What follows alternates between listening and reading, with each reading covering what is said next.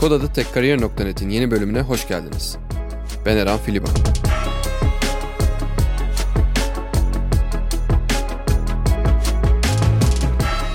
Bugünkü konuğumuz mobil yazılım geliştiricisi ve mobil girişimci Celil Bozkurt. Celil tam anlamıyla seri bir girişimci. Kariyerine internet üzerinden yazılım ve SEO projelerinden para kazanarak başladı. Sonrasında mobil pazarlarında popülerliğinin artmasıyla kendini farklı mobil ürün projeleri geliştirirken buldu. Mobil uygulama geliştirirken nelere dikkat etmek gerekir? Mobil uygulama geliştirerek nasıl para kazanılır gibi konuları Celil'in deneyimlerinden dinledik.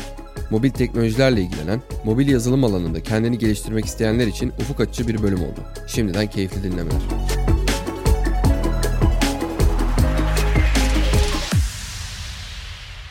Hoş geldin Celil.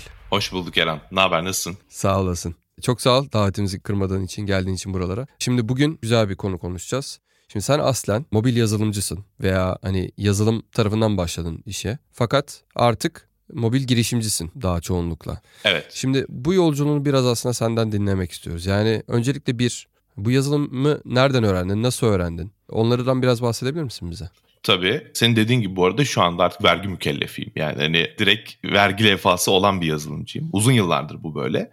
Benim yazılıma başlama hikayem biraz merak. Çok erken yaşta başladım ben yazılıma. 11 yaşında falan. Muğla'lıyım ben.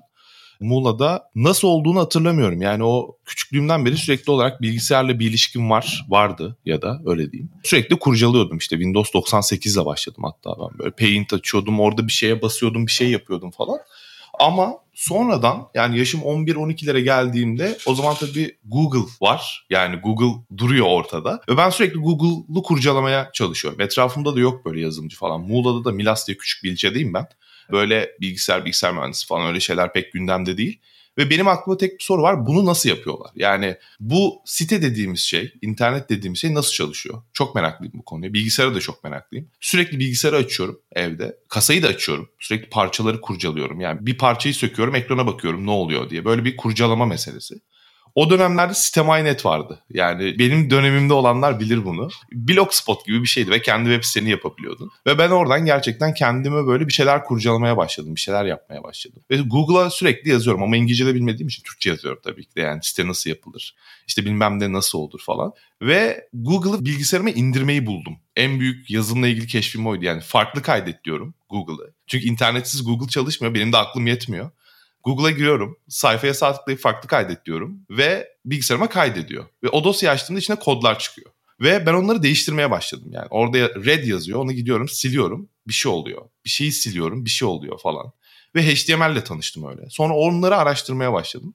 Öyle öyle diye diye o tutku bir yerden sonra beni yani 14-15 yaşına geldiğimde ben artık HTML, CSS, PHP biliyordum. Yani ama macera böyle başladı benim için. Etrafında da herkes şeydi böyle o zamanlarda yani. Ne yapıyor acaba bu çocuk yani hani ne yapıyor yani çünkü sorabileceğim kimse de yok. Forumlar var. Forumlarda tartışıyorum. Sonra tabii liseye geçince İngilizce öğrenmeye başladım ciddi anlamda. Tabii ki de o zaman işler biraz daha değişti. Yani İngilizce öğrendiğim anda. Bahsettiğim yıllar bu arada ben işte 2007-2008'de başladım yazılım öğrenmeye. 2011'e geldiğimde hatta 2009'a geldiğimde ben yazılımdan para kazanıyordum. Yani forumlardan iş alıyordum. Web sitesi işleri alıyordum. Ne gibi işler? dernek siteleri abi. Ya o zamanlarda şöyleydi çünkü. Yani şimdi internet gümbür gümbür geldiği için Türkiye'de özellikle. Herkes hatta tabir şuydu. Beni Google'da çıkartabilir misin? Soru buydu direkt. Yani bir esnaf gelir, bir dernek gelir, bir STK gelir ve der ki beni Google'da çıkartabilir misin? Google'da çıkmak istiyoruz biz. Ben derim tamam çıkartırım yani. 300 liraya falan WordPress web siteleri kuruyordum. Joomla vardı o zaman. WordPress'in muadili olan bir CMS. Joomla, WordPress böyle 300 liraya web sitesi kuruyorum. Bir yandan da lisedeyim ama. Tabii o zamanlar dolar kuru falan farklı olduğu için böyle çok heyecanlıydı o paralar. Böyle gidiyorum ayakkabı alıyorum bir şeyler yapıyorum falan ama tabii bunun bir mesleğe dönüşme ihtimali yoktu. Çünkü 2009-2010 ve ya ben Muğla'dayım. Sonra lisede Kocaeli'deyim ama yani böyle bir sektör varmış. Böyle bir meslek olabilirmiş. Yani çünkü tanıdığımız en ünlü yazılımcı, en azından benim çevrem için öyleydi. Tanıdığım en ünlü yazılımcı benim. Hani bilgisayarcı ve format atıyor yani. Onun meslek en büyük meslek kariyeri bu. Hani o yüzden buradan bir meslek çıkar bir şey olur. Bende en azından öyle bir vizyon yoktu. Sonra yazılıma başlamış oldum. Yani lise itibariyle artık dediğim gibi para da kazanıyorum, iyi para da kazanıyorum. Üniversiteye geldiğimde, üniversite tercihine geldiğimde dedim ki ben bilgisayar mühendisi olmak istiyorum. Ailem aslında buna karışmadı yani hani olma falan demedi. Ama okuldaki hocalar işte dershane, rehberlik hocaları falan dediler ki ya Ne yapıyor? Format mı atacaksın ya? Hani inşaat mühendisliği oku. Çünkü inşaat o zaman böyle şey yani tanrı oluyorsun yani. Hani inşaat böyle çok popüler 2010-11'li yıllar.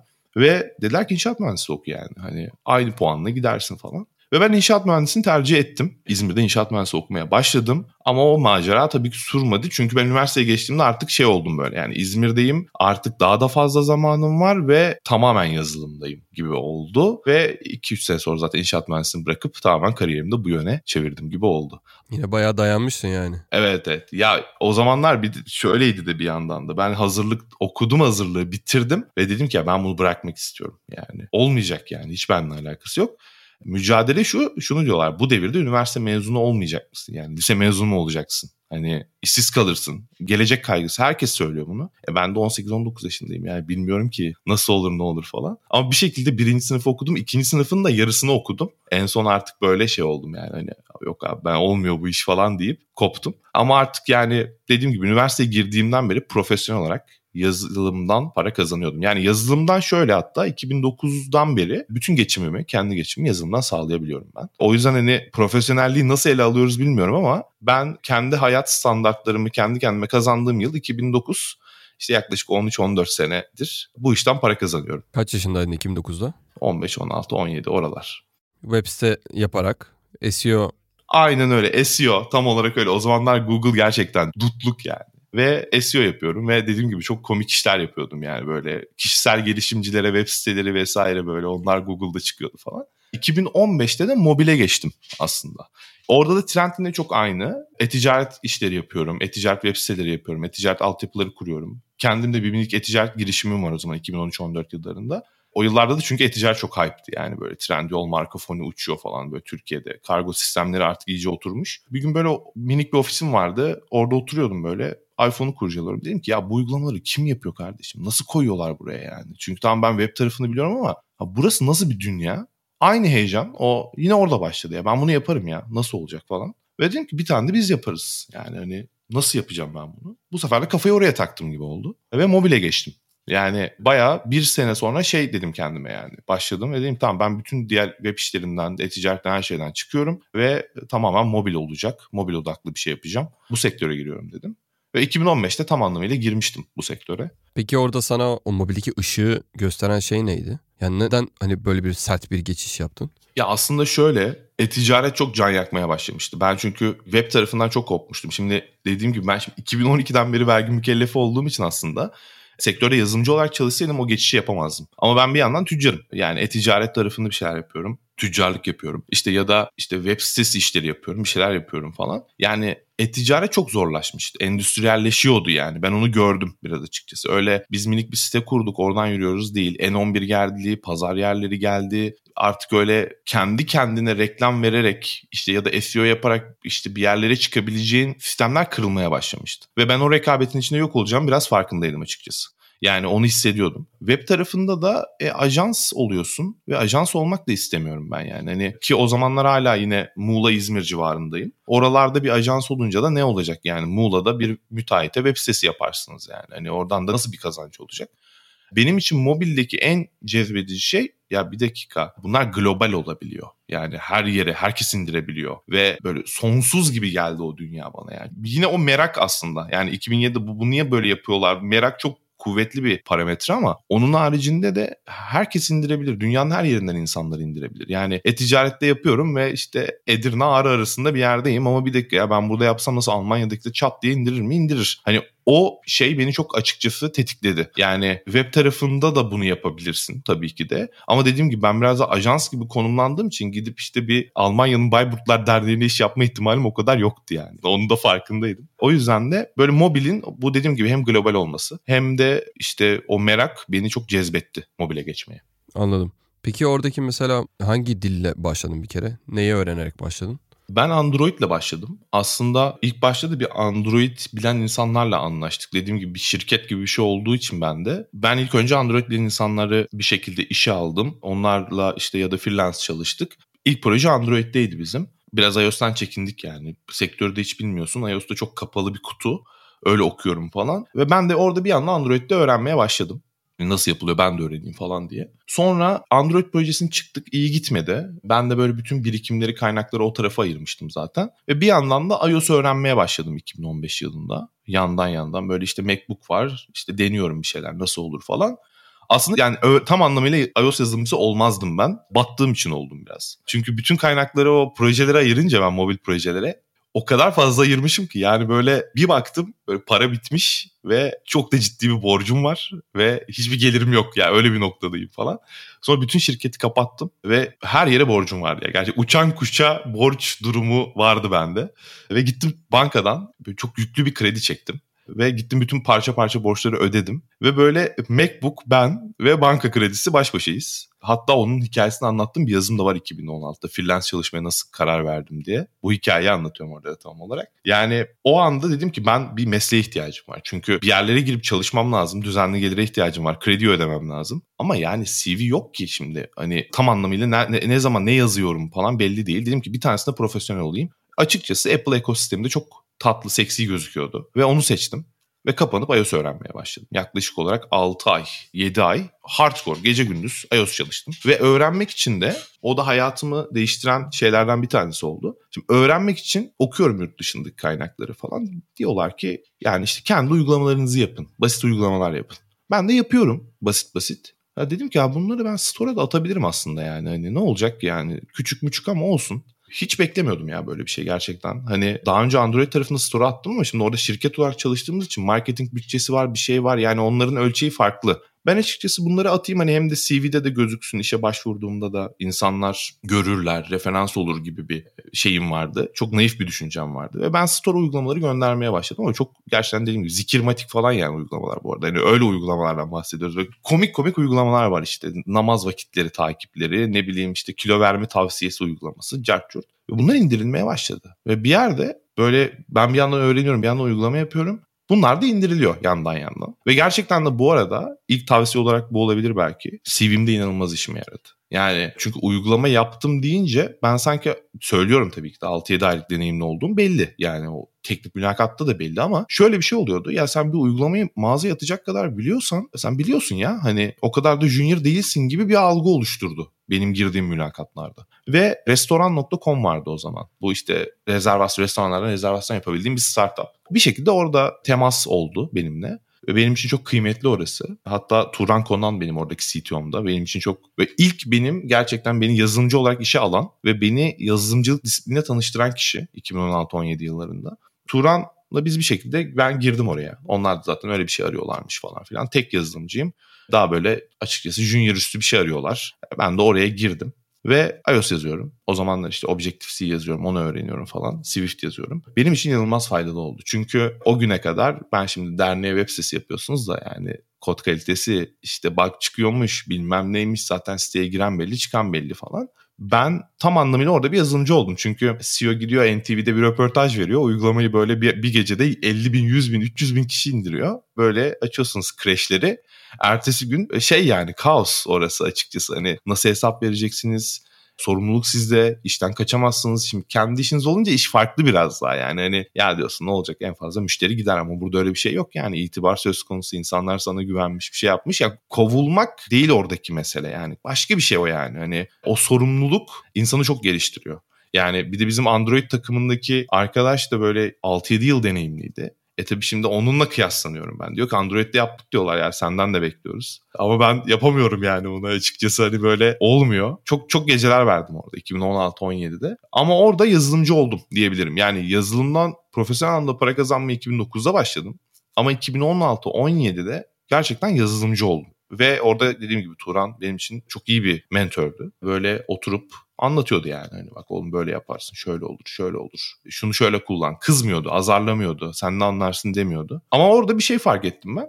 Ben bir yandan da restorana çalışıyorum ama bir yandan da uygulamaları yapmaya devam ediyorum boş vakitlerimde. Çünkü temel motivasyonum aslında o anda hala para değil. Çünkü öğrenmem lazım. Yani hani işi öğrenmeye çalışıyorum. Farklı farklı uygulamalar deniyorum. Hadi burada da harita deneyeyim. Hadi burada da işte konum verisiyle bir şey yapmaya çalışayım falan. Ve gerçekten böyle bir sene sürmedi. İlk uygulamayı attığım tarihten sonra benim kiram falan ödeniyor. Yani pasif gelir olarak kiram gelmeye başladı ve dedim ki ya bir dakika burada biz yine ticari bir şeyler kovalayabilir miyiz ya? Burada bir iş varmış gibi bir sorgulamaya düşmeye başladım orada açıkçası.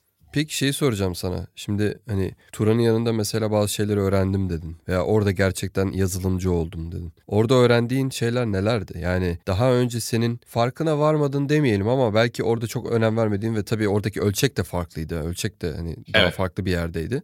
Orada farklı öğrendiğin şeyler neler? Ya şöyle bir kere restoranda bana burası bak tam olarak seninle kesişecek bir nokta ürün yapmayı öğrendim ya ben temelde. Bir yazılımcı olarak ürün yapmayı öğrendim. Yani sen yazılımcısın ve kod ekranında gömülü bir hayat yaşıyorsun. Ama ilk öğrendiğim şey yani bu gerçekten mesela şöyle bir durum var. İnsanlar havalimanında iniyorlar, hat alıyorlar ve işte Google'a ya da bir yere bir şey yazıyorlar ya da o anda ilk karşılarına çıkan şey reklam bizim uygulamanın reklamı oluyor. İşte atıyorum İstanbul'a hoş geldin. İşte iyi bir yerde akşam yemeği yemek ister misin? Şimdi bu kullanıcı ilk uygulamayı indirdi ve bir restoran bulacak. Şimdi orada senin konum verisini çok iyi alıp işte arka tarafta backend'de ve bilmem nereye çok iyi konuşup o anda onu mutlu etmen lazım. Yani temiz kod yazmak evet bir parametre, bilmem işte tasarımcının guide'larına uymak bir parametre. Bunların hepsi bir parametre ama temelde ilk fark ettiğim şey şu oldu. Ürüncüsün. Yani ürün yaptığın için para alıyorsun. Kod yazdığın için değil. Yani orada çok temiz bir kod yazdım. Çok iyi bir şeyler yaptım ama orada biraz böyle ürün kullanıcının isteğini karşılamadıysa benim ne kadar iyi kod yazdığımın kod kalitemin pek de bir önemi yok. Yani business tarafı ona bakmıyor.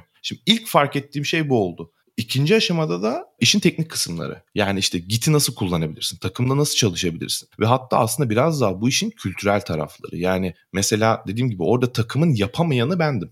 Yani yapamayan birine karşı nasıl yaklaşmalı takım ki o kişi kopmasın hayattan? Yani ne bekliyorum ben bir çalışan olarak orada ya da takım arkadaşı olarak ya da junior olarak ne bekliyorum? O onları dediğim gibi iyi öğrendim ve şu çok kıymetli diye düşünüyorum orada. Bilmediğimde söylemeyi yani ya ben bunu yapamıyorum demeyi. Neden yapamadığımı dürüstçe anlatmayı. Yani gerçekten tembel olduğum içinse tembelim yani. Yok bugün çalışamıyorum tembelim. Ya da yok ya abi gerçekten çalışıyorum ama yapamıyorum yani demeyi. Ama o çalışıyorum yapamıyorum durumunu nasıl aşmayı da orada öğrendim. Yani çünkü bence yazılımcılıkta mesela benim orada şöyle anlarım vardı sürekli diyordum ki ya benden olmayacak ya. Ben galiba bunun için uygun bir kariyer insan değilim yani. Çünkü sabaha kadar uğraşıyorsunuz ve hala o hata orada duruyor. Benden olmayacak ya. Ben bırakayım başka bir alana geçeyim yani. Gideyim inşaat mühendisine geri döneyim. inşaat mühendisi olayım vesaire.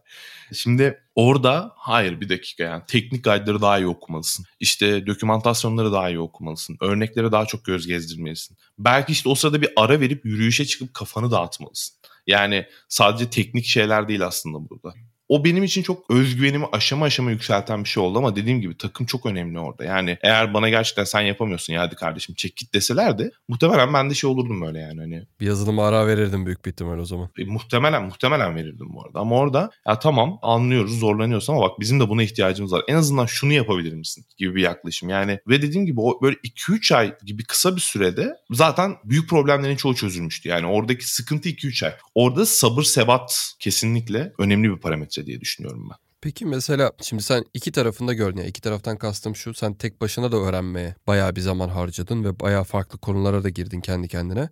Diğer taraftan bir mentor diyelim veya senden daha deneyimli bir kişinin veya birden fazla kişinin bir ekip ortamında da öğrendin. İyisi kötüsü yok yani biri daha iyi biri daha kötü diye bir şey yok bence ikisinin de artıları eksileri var ama ekiple birlikte veya bir mentorla çalışırken neyi mesela daha kazandın diğer kendi kendine öğrenmeyle karşılaştırdığında? Aslında ilk akla disiplin geliyor. Ama ben o konuda biraz şanslı bir karakterim. Yani ben kendi kendime de yani self disiplini yüksek bir insanım özetlemek gerekirse. O yüzden ben zaten motivasyon kaybı yaşamıyorum. Ama bence evet ilk ilk mesele bu. Yani benim gözlemlediğim de öyle açıkçası. Motivasyonunu kaybedebiliyorsun kendi kendine çalışırken. Takımda öyle bir şey yok yani. Task'ler var. Sabah kalkıyorsun, daily'e giriyorsun ya da işte weekly'e giriyorsun artık ne yapıyorsan. Ama bir şekilde hayat akıyor. İlk konu disiplin. Ama benim için her şeyden öte şöyle bir durum var. Şimdi kendi kendine öğrenirken ve kendin bir task yaparken, kendin bir projeyi ayağa kaldırırken kendine karşı sorumlusun ve kendine ihanet edebiliyorsun. Yani kendini kandırabiliyorsun. Kendine ya yarın yaparım diyebiliyorsun. Ama şimdi takımda bunu diyemiyorsun çünkü diyor ki oradaki kişiler abi her şey bitti. Backend bitti, Android bitti, her şey bitti. Seni bekliyoruz. Ve orada sen yapamıyorum ya bugün de boş geçeyim diyemiyorsun. Yani o baskı aslında gelişimi sağlıyor. Yani bunun tabii mobbinge dönmesi sektör olarak başka bir şey. Yani mobbingden bahsetmiyorum o baskıdan. Kastım mobbing değil. Ama ya gerçekten sana ihtiyacımız var artık. Bunu yapman lazım. Çıkmamız lazım denildiğinde bu kesinlikle bence o baskı bir gelişim sağlıyor. Oturuyorsun evet yapmam lazım nasıl yapabilir yol haritası üretiyorsun. Bir diğer konuda tabii deneyim aktarımı. Yani usta çıraklık. Yani şimdi mesela orada bizim takımda Turan mesela bu Migros Sanal Market'in altyapısında görev almış. Yani orada da sanırım yine backend tarafında iyi pozisyonlardaymış. Yani şimdi orada Migros Sanal Market'te nasıl yaptığını anlatıyor. Başka büyük bir projede nasıl bir altyapı kurduğunu anlatıyor ve o deneyimi devralıyorsun sen direkt yani o takımdan. Ya da Android diyor ki işte ben şuradaydım, şöyle bir projede çalışıyordum ve sen oradan onu öğreniyorsun yani aslında onun bütün deneyimini devralıyorsun. Belki de sadece Medium'da okuduğun ya da bir, bir podcast'te dinlediğin bir şeydeki o kişi yanında o anda, o insan yanında. Hemen soruyorsun. Ya peki orada nasıl yapıyordunuz? Orada işte bug'ları nasıl track ediyordunuz? Git'i nasıl kullanıyordunuz? 5 kişi olunca ne yapıyordunuz? Yani bu, bu tabii inanılmaz bir şey yani. Hani takımları bu ölçekte kullanmak bence gerçekten yani deneyim paylaşımı anlamında mükemmel bir şey. Yani teknik anlamda da böyle ama deneyim paylaşımı yani o, o stresi de yönetmeni çok kolaylaştırıyor diye düşünüyorum. Şu andaki hayatına mı şimdi tekrardan girişimcilik yerindesin. Evet. O şeyi nasıl simüle ediyorsun? Yine hani daha deneyimli bir kişiden deneyim kazanma. Çünkü öğrenme bitmiyor. Yani sen de dediğin gibi şu anda da öğreniyorsun. Şu anda da etrafında senden deneyimli insanlar vardır belki. Yani senin müdürün olmasa da etrafında birileri vardır mesela. O şeyi nasıl besliyorsun şu anda o açlığı? Ya aslında şöyle maalesef bence girişimcilik kısmı ile ilgili girişimciliğin en, en çileli şeylerinden bir tanesi bu. Hatta ben o kadar güzel bir soru sordun ki geçen ay bunu düşünüyordum. Ya ben gidip acaba bir startupta biraz çalışsam mı yani hani çünkü biraz böyle mentorship'e ihtiyacım var şu sıralar yani hani çünkü aslında yalnızlaşıyorsun girişimci olduğunda. Yani bir ara işin özünde patronsun yani. Hani o süslü laflar aramak bence hani işte yok burada takım lideriyim, takım arkadaşıyız bilmem ne falan filan da yani günün sonunda patronsun. Yani birilerini işe alabiliyorsun, birilerini işten çıkartabiliyorsun. Şimdi o yüzden de şirketin içerisinde yaptığım en iyi şeylerden bir tanesi delegasyondu. Yani partnerlerle delegasyon tamam. Yani mesela işte iyi muhasebeci, iyi avukat. Onlardan o anlamlarla iyi besleniyorsun, iyi partnershipler kurabiliyorsun. Ama girişimcilik anlamında oradaki mentörlüğü bir işte podcastler, işte daha böyle şeyler, dijital kaynaklar vesaire vesaire vesaire. E bir de Türkiye'de girişimcilik ekosistemi az çok belli. Etkinlik varsa gidiyorsun, işte orada biriyle tanışıyorsun. Tanıştığın insanla sonra bir kahve içmeye, bira içmeye çıkıyorsun. Yani biraz daha orada tutmaya çalışıyorum. Ama evet düzenli olarak her gün takımda mentörlük alabiliyor musun? Çok zor. Co-founder belki de bu anlamda iyi olabilir. Yani ama ben de gerçekten bu konuda mesela belli aralıklarla açıklar çekiyorum. Yani o yüzden de bu dediğin çok kıymetli. Yani girişimci tarafında bence böyle bir handikap var maalesef. Peki şu anda mesela yeni yazılımcı olmak isteyen veya yazılım öğrenmek isteyen birine ne tavsiyen olurdu? Bu girişimci yolundan gitmek isteyen için de olabilir. Bir yerde çalışmak isteyen için de olabilir. Yani bu bu yola adım atacak. Nereye gideceğini bilmiyor. Ama hani bu şeye başlayacak, bu bölüme başlayacak. Ne önerirdin? Ya aslında bu biraz klişe ama gerçekten İngilizce. Yani İngilizce kesinlikle bu işin şartı. En azından ben hep onu söylüyorum. Teknik dokümantasyon okuyacak kadar bir İngilizce meselesi. İkinci konu aslında topluluklar. Yani ben mesela iOS öğrendiğim dönemde Enes İstanbul vardı. Hala daha var bildiğim kadarıyla. Topluluklar inanılmaz bir şey. Yani biz de, ben de mesela Türkiye'de işte Mobile Growth İstanbul'u kurdum. Şu an biraz daha pasif bir topluluk ama topluluklarda gerçekten kendi derdinize dert edinmiş yani o derdi yaşamış anlamında dert edilmiş. Onu aşmış, aşamamış. insanlar orada duruyorlar ve o deneyim paylaşımı, o mentörlük her seviyeden insan için var. Topluluklara kesinlikle girmelerini tavsiye ediyorum. Düzey bağımsız bu arada. Yani ben hala da Enes İstanbul'a ben iOS'ten 2-3 yıl profesyonel olarak iOS'ten para kazandım ve gerçekten büyük projelerde de çalıştım. Fakat yani topluluğa Enes İstanbul'a ne zaman gitsem bir şey öğreniyorum. Çünkü orada yani ben büyük projede çalışıyorum ama Booking'de çalışan bir arkadaş gelip bir şey anlatıyor. Ve onunla o hadi ya diyorsun biz çünkü Booking'in oradaki denediği şey bambaşka. Onu deneyecek senin fırsatın yok o projeye girmemişsin. O deneyim paylaşımı orada duruyor. Yani o gerçekten hani bin dolarlara alamayacağın bir eğitim orada senin yarım saatte kişi direkt karşında. Diyor ki ya biz Uber'deydik şöyle yapıyorduk diyor yani. Daha ne istiyorsun zaten yani. O yüzden topluluklar ya da bizim Mobile Growth İstanbul'da da böyle yani. Sen app'ini yaptın ama bundan işte anca 50 dolar kazanıyorsun ayda. Bunu 500'e çekmek istiyorsun. Ne yapacağını bilmiyorsun. E şimdi var orada yani bunu senin geçtiğin yoldan geçmiş olan 50 dolardan 500'e 1000'e 2000'e getirmiş olan insanlar var. Ya da işte ayda 1 milyon indirim alan insanlar var. Orada duruyor. Gelmiş kahve içiyor yanında oturuyor. O işte yani aslında. Onu hemen darlayabilirsin orada. O yüzden topluluklara çok kıymet veriyorum ben. Ve bu alandaki tabii ki düzenli kaynak tüketimi. Yani hani kaynak nerede üretiliyorsa podcast üretiliyorsa podcast işte bilmem hangi alanla ilgileniyorsanız. Türkçe, İngilizce yani işte yazılı, metin vesaire. Ve aslında orada biraz daha şunu öneriyorum ben. Bence bu işin teknik kısmı kolay. Yani bence kod yazmayı öğrenebiliyoruz bir anda. Ben mental kısmına çok odaklanıyorum. Yani bence orayı çok atlıyoruz gibi geliyor bana. Mental kısım zor. Yani kovulmak ağır bir mesele yani. Birinin sana ya sen bu işi beceremiyorsun kardeşim demesi ağır bir mesele. Yani ve bunlar olmak zorunda. Hani eğitim sisteminin içinde öyle yetişmiyoruz biz. Yani eğitim sisteminde çok belli yani 80 alıyorsun işte bir şey oluyor 40 alıyorsun sınıfta kalıyorsun dersi alttan alıyorsun falan. Kimse karşına geçip de ya sen beceriksizsin demiyor açıkçası. Ya da sen bunu beceremedin demiyor ya da çok iyi yaptın diyor ama aslında scoreboard üzerinden yürüyen bir mesele o bizde biraz daha. E ne olacak ki mesela yani bir de bir yandan da hani bir dönemde teşekkür alamayıver. Hiçbir şey olmuyor yani. Bir dersinde alttan gelsin seneye verirsin bilmem ne. Oradaki mentalite biraz daha farklı. Şimdi iş hayatında öyle değil. Doğrudan suratına söylüyorlar yani. Olmuyor diyor mesela. Yapamadın diyor. E sorumlu olduğun insanlar var. Ailen var belki yeni başlamışsın ve kovuluyorsun. Bunun mentalitesi zor bir şey yani bence o mental kısma da biraz hazırlıklı olmak. O yüzden de topluluklar çok iyi bu arada. Yani oraya gittiğinizde kovulmuş ama şu anda Uber'de çalışan insanla tanışırsınız. Yani evet ya o da der ben ikinci şirketinden kovulmuştum ama şimdi Uber'deyim der. Çünkü siz o muhtemelen kovulduğunuzda şey diye düşünüyorsunuz. Yani ben de öyle düşünürdüm. Bitti. Bitti. Yani artık benim için bitti her şey. Yani dediğim gibi şimdi bir projeden atılmak, bazen işte daha kötü bir takıma verilmek. Hani bunun eğitimdeki karşılığı bir dersten kalmak. Okulda bir dersten kaldığımız hayatımız o kadar da bozulmuyor yani. Ama alttan alıyoruz seneye bir şey yapıyoruz falan filan telafisini yapıyoruz ama iş hayatındayken şey gibi hissedebiliyorsun bir anda. Abi benim kariyerim buraya kadarmış artık. Hani bakalım ondan kaçmak. O yüzden mental tarafa özel olarak ilgi gösterilmesi gerektiğini düşünüyorum. Ve onun yolu da gerçekten insanlarla temas halinde olmak, diyalog halinde olmak ve deneyimi öğrenmek. Yani yoksa kodu nasıl yazarım? Yani Google'da 50 bin tane teknik doküman var yani o buluruz onu. Yani onda bir sorun yaşayacağımızı düşünmüyorum ben. Yani dertleş diyorsun. Dertleş abi. İçini aç, insanlarla konuş. Aynen öyle. Büyük bir ihtimal senin yaşadıklarını yaşıyorlardır. Evet ve oradaki algı şu. Hepimiz sürekli başarılı olmuyoruz zaten. Yani o biraz yanılgı. Şimdi Celil'e buradan bakıp işte Eran'a buradan bakıp ya bu adam da işte ne güzel yerlerde çalışmış. Hep böyle iyiymiş. Kendi işini yapmış. Öyle kazanmış. Bugün kazanmış onu. Gel bakalım 2016'da Celil'e bakalım yani. Hani o sabah kadar pizza yiyip bir bug'ı çözmeye çalışan ve her an kovulma tehlikesini geçirdi bu adam. Şimdi herkesin kariyeri böyle ilerliyor. Yani tabii ki de bazılarımız çok daha farklı patikalar güdebiliyor ama yani bir ortalama çizgi alırsak buralardayız hepimiz. Başarısız oluyoruz, kovuluyoruz, işsiz kalıyoruz falan. Dertleşmek lazım yani. Ve dayanışmak lazım bu arada.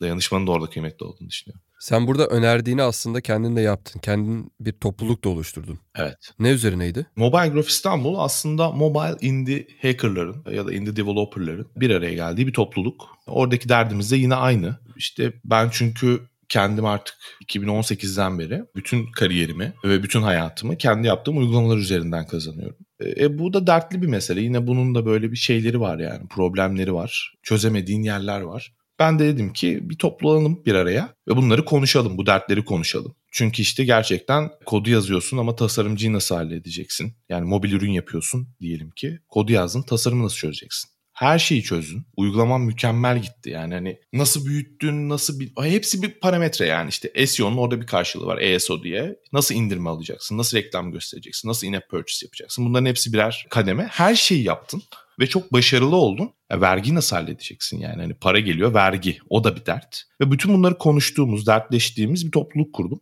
2019'da. Hatta yayınlar yaptık, yazılar yaptık. Bir Slack kanalımız var. Yaklaşık 1500-2000 kişi de var içeride ama son bir yıldır çok ilgilenemiyorum toplulukla.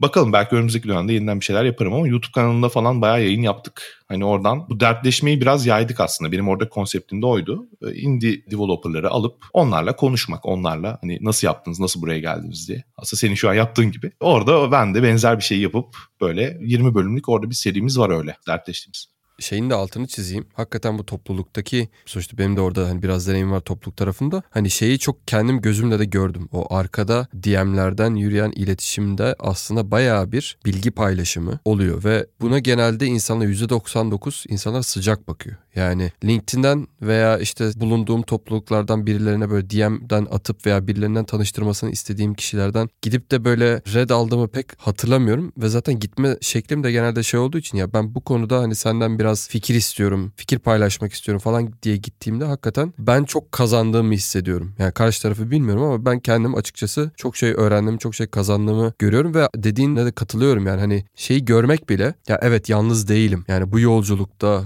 bu mücadelede yalnız değilim ve başkaları da mücadele içerisinde. Yani diğerlerine çok kolay geliyor da bir tek ben zorlanıyorum diye bir dünya yokmuş. Onu gördüm yani. Onu da altını çizerim yani. Kesinlikle çok doğru bir nokta bence söylediğin. Benim bununla ilgili bir örneğim var. Ahmet var bizim. Ahmet Marmara Hukuk'ta okuyordu. Bizim Mobile Graph İstanbul'un meetuplarına gelmeye başladı. Ve app yapmış kendi kendisine. Yani hukuk öğrencisi. Ve bir app yapmış. Ve tabii ki de atmış öyle hukukla ilgili bir tane Türkçe bir app. Öyle almış, birilerine yaptırmış, öyle heves etmiş yani. Ve uygulama bir şekilde indiriliyor, para kazanıyor ama ne yapacak yani? Hani ailesi diyor ki hukuk hukuku, etrafı diyor ki hukuk hukuku. Ve bizim etkinliklere gelmeye başladı. Dedik ya ben nasıl ya bu iş olur mu gerçekten yani dedi. Ben buradan hayatımı kazanabilir miyim diye sordu. Biz dedik evet kazanabilirsin bak biz kazanıyoruz yani. Hani bu mümkün dedik. Bu olaylar 2019-20'de oluyor. Ahmet şimdi Suadiye'de yaşıyor işte. Okulu falan bıraktı ve kendi alanını buraya getirdi. Ama mesela belki de orada bizimle tanışmasaydı o cesareti gösteremeyecekti. Ve hayatındaki o iyileştirmeyi yapamayacaktı. Yani o kararı veremeyecekti. İyi ya da kötü. Belki kötü bir karar verdi. 5 sene sonra pişman olacak. O o günün konusu ama dediğim gibi yani biz onu orada evet bu mümkün diyebildik oradaki 15-20 kişi olarak.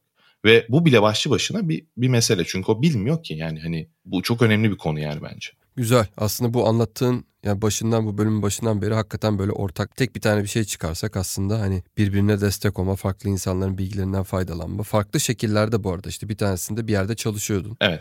Diğer şeyde kendi topluluğun veya başka topluluklardan öğrenme. İş yapmak bile bence birinden öğrenmek oluyor bu arada. Yani birine bir iş yaptığın zaman orada da o zorluklardan bir şey öğreniyorsun falan. Hakikaten ya bilgi paylaştıkça güzel ve yaptıkça öğreniyorsun diyebiliriz belki de yani senin bu anlattıklarına. Evet abi dayanışma ya. Ben kesinlikle dayanışma orada yani. Tek bir keyword çıkartırsak dayanışmanın kıymetli olduğunu düşünüyorum. Sonuçta da şu anda da biz seninle dayanıştığımız için yani. Sen 2019'da benim podcast'ime gelmiştin. Ben iadeyi ziyareti 4 sene sonra şimdi burada yapıyorum. Dayanıştığımız için bir şeyler yapıyoruz. O yüzden bunu kıymetli görüyorum. Özellikle de bu coğrafyada. Hani daha da kıymetli olduğunu düşünüyorum. Katılıyorum. Bence bu zaten bu podcast'in de çok alt mesajı olan bir şey olduğu için güzel bir kelime dayanışma. Sen de dediğin gibi buraya gelerek ve bu bilgilerini, deneyimlerini paylaşarak aslında bu dayanışmaya katkıda bulundun. Çok teşekkür ederiz. Çok bayağı keyifliydi. Bütün bu yaşadıklarını, öğrendiklerini bizlerle paylaştığın için teşekkürler. Ben de davet için teşekkür ediyorum. Umarım daha da güzel yayın serileriyle böyle etkileyici şeyler dinleyebiliriz burada. Ben de takip edeceğim tek kariyeri. Yayında da başarılar diliyorum sana. Çok teşekkürler. Ağzına sağlık tekrardan. Dinleyenlere de teşekkürler. Bir sonraki bölümde görüşmek üzere.